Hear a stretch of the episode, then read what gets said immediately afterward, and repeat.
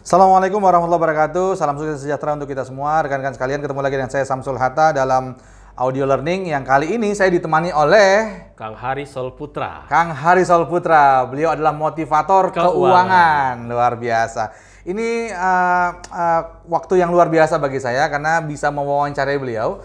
Uh, saya sendiri banyak banyak sekali apa namanya belajar tentang keuangan, baik keuangan untuk pribadi maupun untuk keluarga, gitu ya. Nah, kita hari eh, kali ini kita akan bincang-bincang dengan Kang Hari tentang eh, keuangan keluarga, Kang ya. Keuangan keluarga di mana kita tahu bersama rekan-rekan sekalian bahwa era sekarang ini dikenal dengan era industri 4.0, gitu Kang Hari ya. Betul sekali. Di mana eh, industri 4.0 ini eh, banyak kemudian mengikis ya, mengikis hal-hal yang justru penting eh, yang perlu kita lakukan tapi kemudian dikikis hari ini. Misalnya eh, penggunaan-penggunaan teknologi sekarang membuat kita jadi malas Ya. gitu ya. Jadi enggan bergerak gitu. Yang tadinya harus keluar cari angkot sekarang tinggal pakai aplikasi kita bisa mesen a- apa eh, transportasi online gitu dan seterusnya gitu. Nah, ini menarik nah. Ini akan kita bahas bersama Kang Hari nih bagaimana uh, dampak dari industri 4.0 ini kaitannya dengan uh, pola hidup kita dan kemudian ujungnya bagaimana dia berpengaruh terhadap keuangan kita dan keuangan keluarga. Gitu Kang Hari ya? Betul sekali. Nah, monggo Kang Hari. Sebelum ini kan kita kenalan dulu nih. Iya, Teman-teman di sini mungkin belum kenal. Iya. Boleh dong kenalan sedikit tentang Kang Hari. Monggo. Ya, baik, makasih Kang Hatta. Jadi kalau Oke. kita bicara tentang motivator keuangan, coba Ah. kita cek di Google. Oke. Ya, kita buka Google, ketikin kata motivator keuangan, terus di enter. Ah. Jadi kalau mau lihat saya, saya di masih nomor satu lah. Oke, motivator keuangan Motivator ya. keuangan aja yang tanpa Oke. nggak ada tanpa embel-embel ya. Nggak pakai tambah embel-embel ya. Oke, motivator keuangan. Baik, rekan-rekan sekalian, silakan nanti buka Google, cari, ketik di Google, search motivator keuangan. Ya. Nah, di situ akan muncul Kang Hari dan kemudian silakan dipelajari profil beliau di sana. Betul. Oke, kita lanjut Kang ya. Ya. Nah, kita akan bahas tadi tentang uh, industri 4.0. Hmm. Nah, menurut Kang Hari di industri 4.0 sendiri bagaimana sih? Ya, jadi kalau kita bicara industri 4.0 itu begini. Kalau dulu ketika saya bekerja di sebuah bank gitu kan. Ah. Saya berpikir kalau saya kerja di bank itu saya bisa ngelola keuangan. Iya. Ya kan? Dan ternyata dalam perjalanannya banyak teman-teman saya itu dia nggak paham gimana cara ngelola keuangan. Ah, oke. kalau oke. menghabiskan keuangan bisa. Oh, Gitu ahli kan. bahkan. Ahli gitu kan. Ini kebayang ya Mas Atta Iya, dan iya, juga iya. teman-teman. Jadi kalau dulu ada istilah kartu kredit gitu kan. Ah, Mereka ini para biangnya. Oke. Mereka yang jualan kartu kredit. Ah, iya, iya, Berarti iya, iya. product knowledge mereka pahami. Oke. Ya kan? Artinya Iya, mulai iya, iya. dari gimana cara penghitungan bunganya, Ah, gimana cara bayarnya, kapan jatuh tempo mereka paham. Oke. Tapi ternyata yang saya lihat teman-teman Ah. saya dahulu ya, mereka malah nggak ngerti gimana cara mem- memanage uangnya. Oh, Kebayang nggak? Oke. Kalau yang memahami product knowledge saja nggak paham, Ah, ah. bagaimana konsumen? Bagaimana konsumen Gitu gitu, kan? ya? Jadi kalau konsumen terjebak utang kartu kredit, ya wajar. Karena yang mereka sendiri tidak tidak me- ini menerapkan pada diri Ya, sendiri gitu terus ya. yang kedua, teman-teman saya juga agen asuransi. Pertanyaannya begini, dibaca nggak sih klausul Klausul al- ini ya. seluruh yang yang kita harus tanda tanganin Hmm, itu? Saya yakin, jangankan untuk konsumen, agen asuransinya sendiri, Sendiri. itu juga, mohon maaf, mungkin nggak baca semua. Nggak baca semua ya. Gitu kan? Iya, iya, Kan iya, terlalu iya. banyak, jelimet, kecil-kecil lagi. Disuruh tanda Oke. tangan. Ya udah kemarin tanda tangan. Oke. Begitu mau klaim Nah. bermasalah, gitu kan? Oke. Nah, saya cuma ingin mengatakan begini, kalau yang memahami saja Iya. itu belum bisa ngelola, apalagi yang nggak paham. Ah, betul. Jadi ada betul, tiga kata kunci nama sebenarnya. Iya. Jadi adanya TPS. Ini kan bicara, bukan bicara bukan bicara pilpres ya. Pilpres ya, Tapi oke. bicara tentang tahu, paham, sadar. Tahu, paham, Paham, sadar. Ah, menarik nih. Jadi saya itu yakin Ah. sekali yang namanya kita itu tahu tentang uang. Oke. Biasa membelanjakan uang. Ah, ah, ah, ah. Paham tentang uang juga.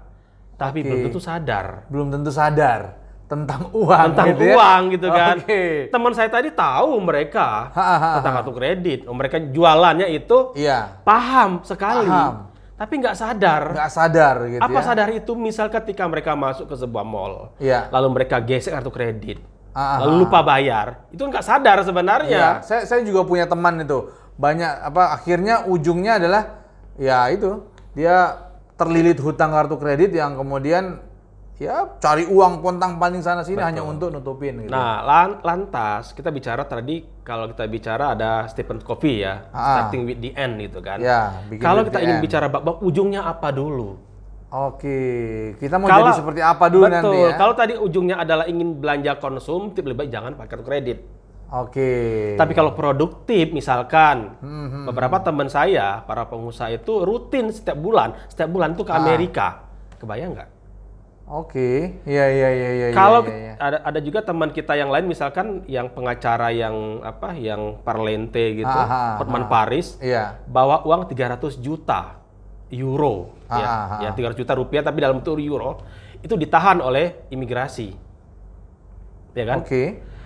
Eh, apa ya? Berarti kan ya nggak bagus juga bawa uang Iya. uang cash kan. Uang cash juga nggak bagus Cukup gitu kan? dengan kartu kredit kan. Iya, iya. Kalau kita sering keluar negeri. Iya. Lah ini keluar negeri juga jarang, tapi sok-sokan punya kartu kredit saya bilang untuk apa? Oke. Nah, Nah, sa- sadar betul, itu betul, kan betul. sebenarnya ujungnya tuh buat apa sih sebenarnya? Oke. Jadi kalau kita memahami kartu kredit fungsinya apa, tahu dan sadar, silakan punya. Oke. Tapi kalau nggak sadar jangan sekali-sekali. Ya. Kalau nggak tadi kan ke- ke- Ah, kejadian kasus. Kejadian betul betul betul. Nah, kalau kita lihat nih, uh, kalau berbicara tentang industri 4.0, kartu kredit kan menjadi hal yang kayaknya jadi hal biasa gitu. Ya, karena, kan kita- sudah 3-0 kan. Betul, nah, betul. Saya mau jelasin ke 4-0. Ah, ah. Jadi kalau kita bicara bab uang itu kan bicara dulu dari istilah itu ada namanya barter. Barter, oke. Asam di gunung, garam Dulu di ya. laut gitu kan. Ah. Ketemunya di kuali gitu kan. Betul, betul, betul. Mas Hatta punya kambing, saya punya ikan, kita tukaran. Tukaran. Tergantung Ya. nilainya. Iya, iya. Pertanyaan iya. saya adalah kira-kira ada nggak sih hari ini barter terjadi? kayaknya udah udah jarang Udah enggak, dilihat, ya? nggak ada bahkan mungkin. Iya. Ya nukernya dengan duit pasti, alat bayar kan namanya juga alat Tapi bayar. ternyata masih ada. Masih ada ya. Jadi 2008 itu yang namanya terjadi krisis di Amerika, pasar modalnya ambruk gitu kan. Pasar modalnya ambruk. Para pensiunan bingung gitu kan. Ternyata. Hmm. uang yang mereka investasikan itu menurun nilainya. Kebayang nggak? Kita punya saham seribu tinggal satu rupiah. Kebayang nggak? Oke. Habis gitu kan. Habis di situ aja. Nah ternyata pada saat itu barter masih laku. Oke. ya, Jadi ya, di ya, Amerika ya, ya, ya. pada tahun 2008, misalkan begini, saya punya rumah di Depok ya, Iya. Mas Hatta punya rumah di Jakarta, Ha-ha. teman Mas Hatta punya rumah di Malang, kan Iya. begitu kan? Ha-ha. Depok, Jakarta, Malang, ya kan? Saya bosan nih di Depok, saya ingin pindah ke Malang. Cuma masalahnya kita harus barter muter dulu. Iya, iya, iya. Itu terjadi di Amerika, Oh gitu ya. ya. Tahun 2008 loh di 2008. Amerika loh. Ha, ha, ha, ha. Terus kejadian tahun 95. Dulu kita punya pesawat Iya. dibarter dengan kedelai di di mana? Di Thailand. Thailand. Iya, iya. Itu sebenarnya barang real dengan barang real. Itulah esensi uang sebenarnya. Oke, jadi kita perlu pahami esensinya dulu ya. Esensinya dulu gitu Esensinya kan. dulu, Bang. nah, ketika kita bicara bab barter ini oleh Yahudi itu dia mulai meriset ini nggak efektif. Kebayangkan bawa kami ke mana-mana, Iya, iya, iya. ya kan? Hanya di riset muncul namanya logam mulia. Oke. emas pe- emas dinar, dirham perak sama Iya. fulus tembaga Tembaga. ha. atau kerang-kerangan. Intinya ada barang bernilai, ini lagi disebut dengan uang. Oke. Nah, dari barter ke logam mulia lalu diriset lagi. Ternyata berat juga ya punya uang Iya. seribu dinar, seribu dirham gitu kan. Iya, bawa-bawa Gitu mikul lagi kan. Nah, di Cina itu di, diketemukan kertas pertama kali. Oke. Nah, orang Cina sudah bangun kertas. Jadi uang orang Cina itu ya kertas. Tapi dalam bentuknya panjang. Panjang. oke, Semakin oke. panjang semakin mahal, gitu kan? Oke. Nah, oleh orang-orang Yahudi itu juga diriset ternyata bagaimana caranya agar orang beralih dari dinar, emas, dirham, perak, pulus, tembaga ini itu, ha. menjadi kertas. Oke. Menjual uang kartal. Iya, muncul uang kartal, uang kertas itu ya. betul, Nah, tahun 20-an, tahun 26 kalau tidak salah, itu ada seorang pengusaha yang yang lupa ketinggalan duit uang cashnya. Ha, ha. Uang cashnya banyak, uang kertasnya banyak, dompetnya ketinggalan. Oke. Pas mau bayar dia roboh rogoh apa dompetnya. Dompetnya nggak ada. Kok gitu nggak ya. ada gitu kan? Ha, ha, ha. Akhirnya dia pikir ini hebatnya orang Amerika itu dia berpikir sesuatu yang masalah jadi peluang. Jadi peluang. Oke. Jadilah sebuah namanya kartu kredit. Oh, itu asal mulanya. Asal ya? mulanya gitu kan. Iya, Berarti iya, iya. transformasi dari dari barter lalu menuju ke logam Logam mulia, mulia. lalu menuju ke namanya apa? ke Kertas. lalu ke kartu. Kartu. Ini berproses tahun 20-an. ya kan? Oh, gitu. Nah, ya. lalu tahun ha. 80-an muncul kan ATM gitu kan. Iya, iya, iya. Ada iya. debit juga tahun 70-an. Berarti dari proses uang kartu ini menjadi uang debit. Oke. Kalau ini kan uang bank nih, kartu kredit Iya, kan. kartu kredit uang bank, kan. yang Kalau kita ini- pakai. Betul. Ini Betul. adalah uang kita.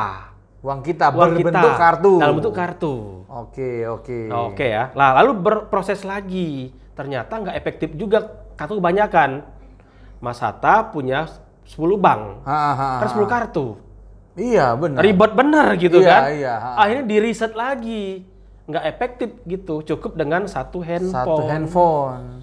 Namanya uang elektronik. Oh. Awalnya dari oke. PayPal Iya, gitu iya, kan. benar, benar, benar. Terus Iya, ada iya, iya. e-wallet. Iya, lalu iya, ada iya. kita ada e-tol gitu Iya, kan. iya, iya. Sampai akhirnya kalau kita makan mie tek-tek di Cina, Ha, ha, ha. itu cukup ngeluarin handphone saja pakai barcode barcode ya. transfer. Sekarang di Indonesia juga sudah mulai marak tuh Ya, ya. tapi kalau di Cina itu orang terbiasa dengan bukan lagi yuan Cina, Ha. tapi Alipay. Alipay ya betul Itu ya. itu itu di Cina. Di Cina Tapi ya. kalau orang Jepang masih menggunakan uang uang kertas, Uang kertas, dan ya. uang recehannya. Ini sebuah Oke. kebudayaan. Budaya betul betul. Tapi betul. yang, menarik adalah orang orang Jepang juga ber- berkembang budayanya, Iya. orang Cina juga berkembang. Berkembang budayanya. Nah kita ini nggak berkembang. Iya iya. Kita berkembang budaya konsumtifnya. Nah itu persoalannya. nah ini mau saya bahas baru ke 40 Ah, Jadi kalau kita nggak memahami, saya bilang sekedar tahu, paham saja nggak sadar, kita akan Hmm. apa sih esensi uang itu? Iya iya iya. iya. Ternyata sebuah nilai yang dicokokin ke dalam diri kita. Oke. Jadi kalau kita memahami uang ternyata kalau saya sih, Hmm, saya orang konservatif ya. Iya. Artinya kalau saya bicara uang itu bagi saya adalah emas, tanah, properti itulah uang bagi saya. Oke. Bukan uang kertas, Iya, bukan iya, uang iya. yang lain-lain itu. Oke. Jadi kalau Iya, orang iya, yang betul, memahami betul, betul, secara betul. value, dia akan menabungnya jangan di uang kertas, ada inflasi. ada inflasi kalau Tapi uang ada kertas. ke logam mulia, nggak kena inflasi. Oh. Dan bisa naik juga secara pertumbuhan. Artinya ya kita kita juga perlu sadar ya bahwa esensi uang itu sebenarnya apa gitu ya. Betul. Bukan kemudian bendanya. Ya. Bukan bendanya tapi nilai yang ada di dalamnya. Contoh lagi, kita bicara mungkin pernah dengar McDonald. Iya iya. Kalau iya. menurut Mas Hatta itu kira-kira jualan apa sih sebenarnya McDonald itu? Ya jualan ayam. Ya, itu yang kita makan kan. Iya. Tapi sebenarnya dia bukan jualan ayam, dia jualan properti. McDonald, jualan McDonald, properti. Jualan properti. Jadi awalnya dulu sekitar Ray Kroc ini ya, ah. Ray Kroc itu dia membangun, kan ada ada McDonald bersaudara nih. Iya iya. Dia akuisisi, dia beli sahamnya Hmm, dan segala macam. Dia cuma dapat persentase dari P franchise, kecil sekali. Oke. Dia bilang kapan saya kayanya kalau seperti ini. Nah, ah. Akhirnya dia buatlah ide gitu kan. Dia bangun sebuah properti dengan menyambungkan uang bank. Lalu si franchisornya itu dia bayarnya pakai apa? Bayar pakai transaksi. Jadi Oke. ketika ada orang bayar bayar beli ayamnya, beli atau beli make, beli burgernya atau donatnya gitu kan, Ah. eh, dia dapat bagi hasil di situ. Tetapi sewa tempat tersebut kepada si Ray Kroc-nya. Oh. gitu. Jadi kalau kita iya, bicara iya, Pak Mari iya. bisnis McDonald itu bukan bis- bisnis ayam, bukan bicara bisnis burger, tapi properti. Properti, ya. Nah itu saya bilang orang yang tahu, paham, beda sama orang yang sadar. Oh, Nah, iya, kita iya, perlu iya, sadar, sadar iya. keuangan. Sadar keuangan ini yang kemudian Iya. perlu kita bangun sebenarnya ya. Betul. Oke, nah jadi eh, kembali lagi eh, tadi ketika kita sudah masuk ke 4.0 ini Iya. di mana ya semuanya serba elektronik ya. Betul. Eh, kita bisa pesan makan via aplikasi Iya. gitu ya. Bahkan kemudian kita bisa transportasi juga lebih Betul. yang tadinya kalau misalnya mau berangkat gitu, kita perlu pergi ke kantor travel, Iya. kita beli tiket, tiketnya bentuknya masih kayak buku kecil itu ya, Iya. gitu masih ingat dulu ya. Nah sekarang tinggal di aplikasi nggak perlu bawa kertas-kertas apa pun, Iya.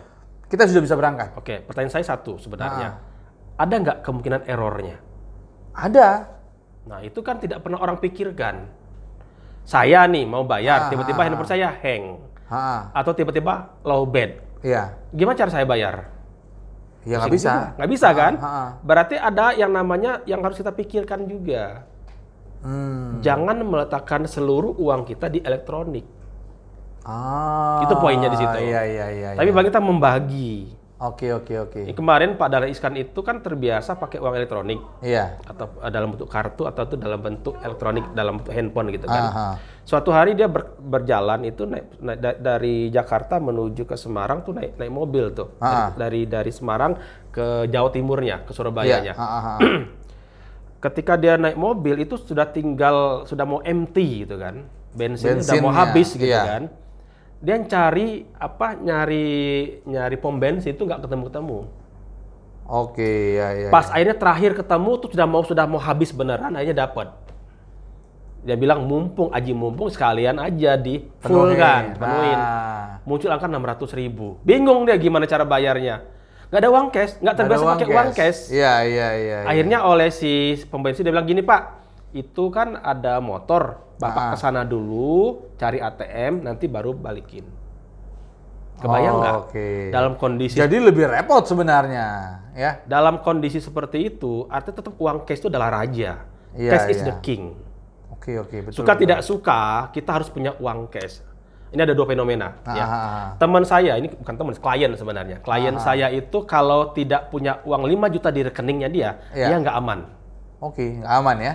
Dia sudah level vice president di sebuah BUMN Ah, ya. ah, ah. Dia kalau nggak ada uang 5 juta minimal di rekening dia nggak aman. Dia nggak bakal mau pergi. Oke. Jadi kalau 5 juta ada baru dia mau berjalan. Ah, ah, ah. Itu satu fenomena. Fenomena kedua adalah teman saya yang lain, ini kali ini teman beneran, pengusaha. Saya tuh kaget, hari gini masih bawa uang cash. Jadi dia punya empat kantong. Kanan, kiri, Iya. atas, at- atas itu ada dua. Dua kantong. Ah, ah. Ya. Kantong baju maksudnya ya? Kantong baju ya. Ah, ah, ah. Ini dua setengah juta, dua setengah juta, dua setengah juta, dua setengah juta. Oke. Berapa tuh jadi? 10 juta. 10 juta, baru dia nyaman jalan. Kalau nggak itu dia nggak nyaman. gitu ya. Iya, iya, iya. Pertanyaan saya, mana yang sama yang benar dari dua kasus tersebut? Sebenarnya nggak ada yang salah benar sih. Gak ada yang salah yang benar Ah, kan? ah, Tapi ah. rasa aman Rasa itu amannya kan. itu yang- yang Makanya ini. saya selalu bicara kalau kita bicara bab pengertian masalah bab uang, ya kita harus uh, ket- banyak letakkan keranjang-keranjang itu. Oke. Ada uang cash juga, ada uang elektronik Ada juga. yang juga. Karena bagaimanapun kalau kita makan di warung warteg misalkan, Iya. ya nggak bisa dengan Nggak bisa. dengan cashless itu nggak bisa. Ah, ah, ah, ah. ya harus Betul, cash betul. gitu Harus loh. cash beneran. harus uang tunai gitu Ah, kan. ah, iya, Ini iya, saya iya. bilang berarti apa? Tetap kita harus proporsional. Betul, betul, betul. Iya, apa iya. yang namanya 40 ini adalah betul-betul memudahkan, tapi jangan jangan terlalu kebablasan. Jangan kebablasan juga ya. Artinya perlu punya persiapan atau eh, backup plan lah Betul. dengan cash gitu ya. Iya. Oke, Kalau saya juga oke. sama, tetap harus ada uang bawa uang cash walaupun terbatas. Oke. Gitu kan. Iya, iya, iya, iya. Contoh ketika besok saya insya Allah saya mau ke Malaysia gitu kan, Hmm. itu juga seharus harus dua plan juga, ada plan cashnya, Ada plan ada plan cash. cashlessnya, Oke. gitu Iya, kan. iya, iya, iya. Karena terlalu banyak tadi bawa uang cashli, cashnya, Iya. tangkep sama imigrasi juga, gitu kan, kebanyakan tanyain modul. gitu kan, Ah, gitu sampai kan. nyolong lagi. Gitu Oke, Kang Hari luar biasa. Ini menarik nih. ya. Jadi yang pertama kita perlu tahu dulu esensi esensi uang. Jadi Ya. bukan uangnya ya, tapi lebih kepada esensi uang. Value-nya sebenarnya. Value-nya, ya nilai dari uang itu sendiri. Ya. Uh, bukan kemudian sejuta dua jutanya, tapi Ya. kemudian yang hanya yang ketika misalnya kita ke luar negeri berganti kurs kemudian bisa turun gitu ya. Itu yang perlu kita sadari benar kan? Ya. Seperti itu ya. Betul. Jadi lebih kepada uh, nilainya seberapa dan itu bisa dipertahankan gitu. Nah kemudian kalau kita bilang uh, ketika kita berbicara tentang 4.0, teman-teman uh, yang dengar ini juga kan uh, adalah mereka yang hidup di masa 4.0, Ya. gitu ya. Artinya semuanya serba mudah, semuanya serba bisa jadi serba murah, murah dalam arti kata karena yang pihak yang menjual pun dia bisa menekan biaya gitu ya, sehingga barang yang dijual lebih murah, nggak perlu bangun toko, nggak perlu bangun uh, restoran misalnya, tapi dia tetap bisa jualan gitu, sehingga barang lebih murah. Artinya kita bisa mendapatkan sesuatu dengan mudah dan murah saat ini. Hmm. Namun kemudian menariknya adalah justru mudah dan murah ini, terutama mudahnya yang membuat kita jadi konsumtif kan sekarang ya. Betul. Artinya wah tinggal buka ini apa uh, aplikasi Bukalapak misalnya atau Tokopedia atau apa pun gitu ya. Uh, kita mau cari tinggal lihat-lihat. Misalnya saya mau nyari satu misalnya nyari sepatu satu Oke. gitu. Ya. Tapi ketika kita lihat kan menarik nih. Betul. Wah ada ini ternyata ada ini bisa nyari ini bisa nyari itu dan itu mudah sekali. Beda dengan kita ke toko. Ya. Betul ya. Kalau ke toko kan masih tetap ada effort capek jalannya gitu ya. Walaupun di toko juga pemandangan bagus-bagus banyak kan, sepatu lah, jam tangan lah, macam-macam gitu. Tapi kemudian kan ada effort kita berjalan. Nah, Ini Ya. kan lebih mudah. Betul. Apakah itu berdampak dengan mempermudah lebih mudah itu kemudian kita jadi lebih boros gitu? Oke, gini. Poinnya bukan persoalan kemudahan. Oke oke. Persoalannya adalah kita ada duit apa tidak. Ya bisa jadi nggak ada. Gini, misalkan ya, kita terbiasa untuk belanja online. Iya. Kalau di saldo kita nggak ada, bisa belanja nggak? Kalau apa? Di Saldo, saldo. nggak ada, bisa belanja nggak? Kartu kredit. Kartu kredit paling. Kalau itu limitnya mentok. Nggak bisa. Poinnya kan sebenarnya kita ada duit apa enggak kan sebenarnya. Iya. Kontrol itu yang kita lakukan. Mau langsung ketemu offline, mau pakai online, kalau kita bisa kontrol, itu nggak ada persoalan kok. Ah. Gitu loh. Iya iya. Poinnya di situ sebenarnya. Karena kalau kita kita menyalakan teknologi, teknologi itu memudahkan kok. Smartphone, telepon pintar. Pertanyaannya, Iya. kita smart nggak? Jangan-jangan Ah, kitanya bentar, nggak yang bentar, yang nggak smart gitu loh. Bentar bentar. Ini menarik gitu nih loh. perkataannya. Jangan-jangan kitanya Iya, nggak iya, iya, smart iya. gitu. Menarik, jangan salahkan menarik. smart, jangan sal- salahkan smartphone-nya, tapi salahkan diri kita. Kita sudah smart belum dalam menggunakan smartphone, Smartphone itu. ya.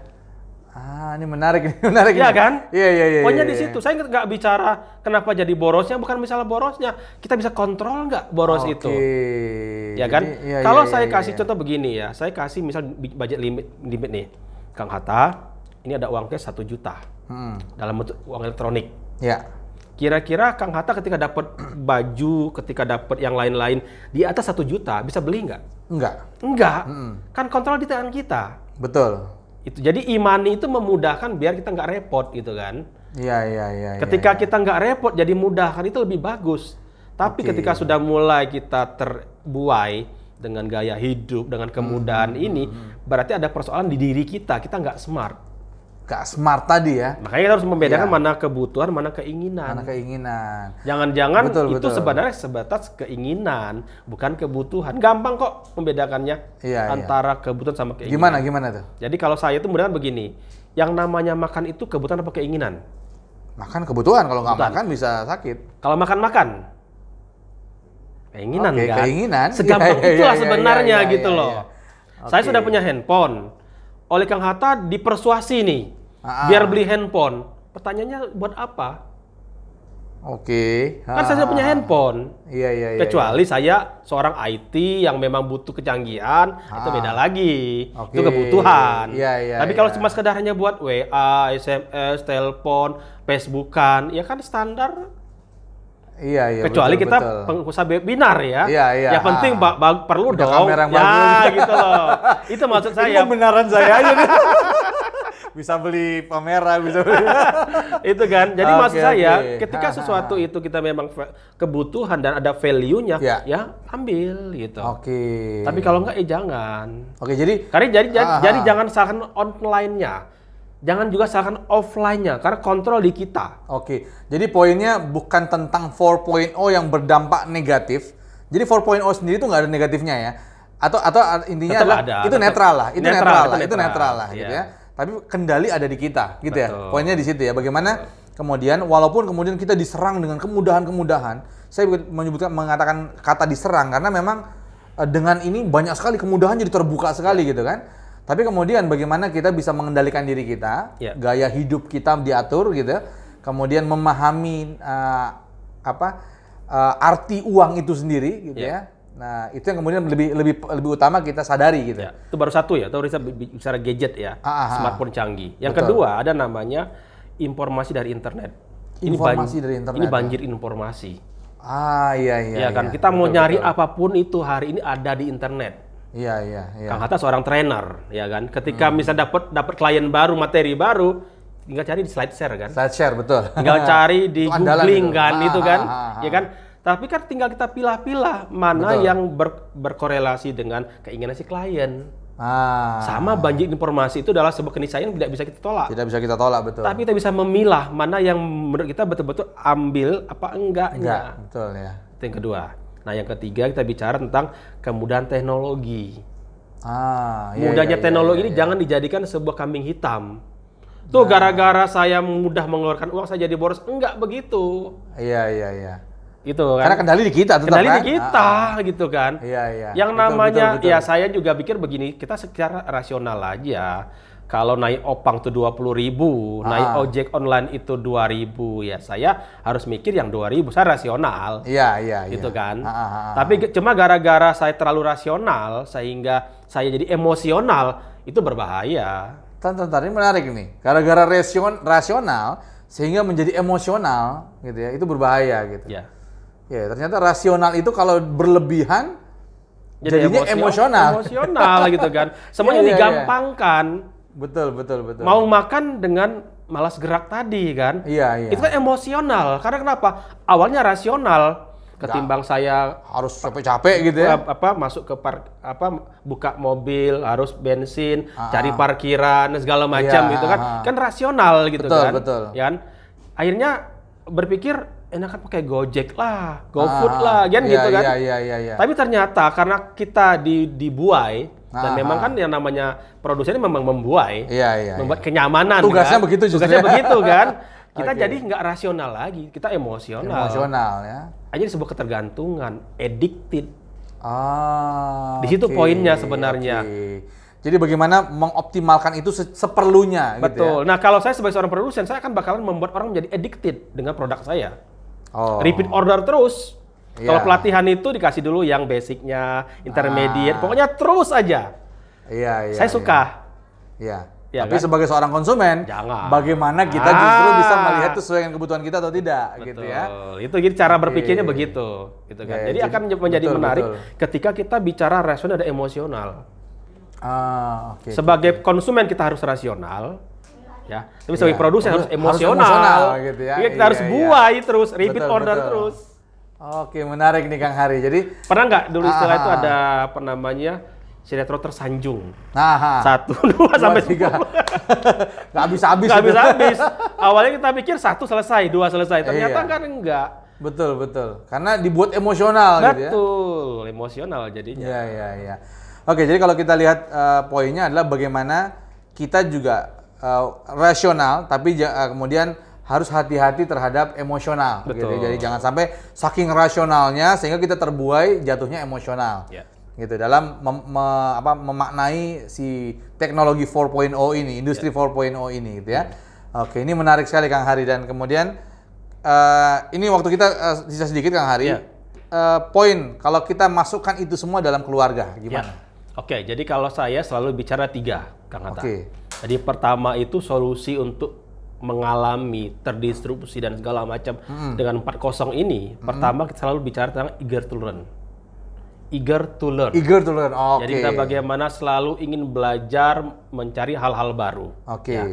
Poinnya adalah bagaimana ketika kita bicara teknologi, teknologi apa pun itu, Iya. kita harus mensinkronkan dengan talent and passion kita. Ah, oke. Jadi barat saya itu selalu begini contohnya. Jadi kalau saya menganalogikan seperti gini, kita kan punya siku tuh ya. Mm-mm. Siku ini kan kalau kita nggak ngapa-ngapain tetap kalau kita kerasin dikit jadi, jadi sakit Jadi kan. sakit, Kita betul. pukul ke orang sakit kan. Ah, ah. Ini ibarat ada talent kita.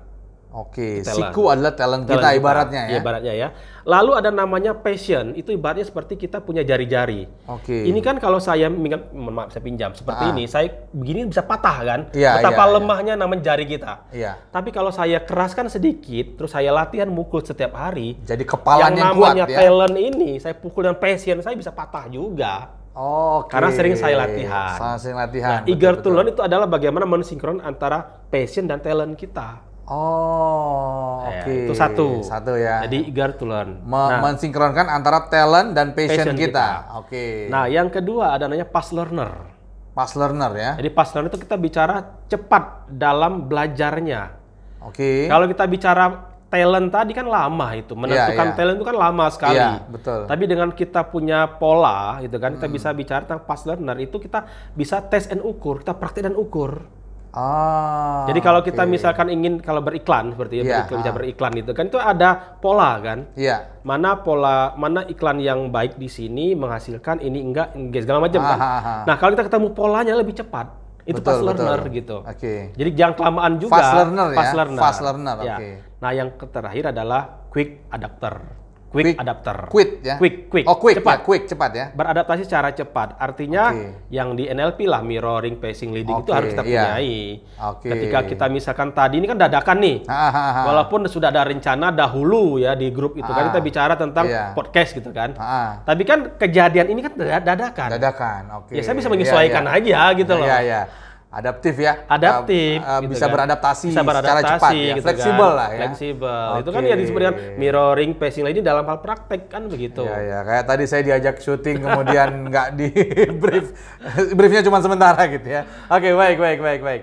Ini menarik yang hari ya. Jadi eh, nah, rekan-rekan sekalian, eh, kita sudah ngobrol-ngobrol eh, dengan Kang Hari tentang bagaimana ternyata bukan salah teknologinya Kang Iya. ya. Bukan salah 4.0-nya, tapi kemudian bagaimana kita kemudian mampu untuk melihat sadar diri Iya. terhadap apa yang kemudian kita hadapi saat ini. Betul. Ya, kemudian tidak eh, tidak kemudian yang awalnya rasional benar bahwa ini mempermudah benar ini lebih murah benar gitu ya tapi kemudian tidak tergantung gitu ya kan Betul. sehingga dari rasional dia berubah menjadi emosional yang kemudian kita tergantung di dalamnya ini pembelajaran luar biasa Kang Hari terima kasih banyak nih kesempatan ngobrol-ngobrol santai hari ini gitu ya saya yakin juga teman-teman yang mendengarkan uh, podcast ini uh, banyak mendapatkan insight gitu ya bagaimana dari rasional ternyata bisa berubah jadi emosional dan yang perlu kita lakukan adalah kita menahan supaya tidak terjebak dalam emosi tertentu Ya. sehingga tetap meng- menggunakan rasionalitas kita gitu ya. Ya. Oke, ini pembelajaran yang kita dapat hari ini rekan-rekan sekalian. So Kang Hari terima kasih banyak. siap. Ya, sampai ketemu lagi rekan-rekan sekalian di podcast uh, uh, audio learning berikutnya. Terima kasih, saya Samsul Hatta, undur diri. Assalamualaikum warahmatullahi wabarakatuh. Sukses penuh berkah untuk kita semua.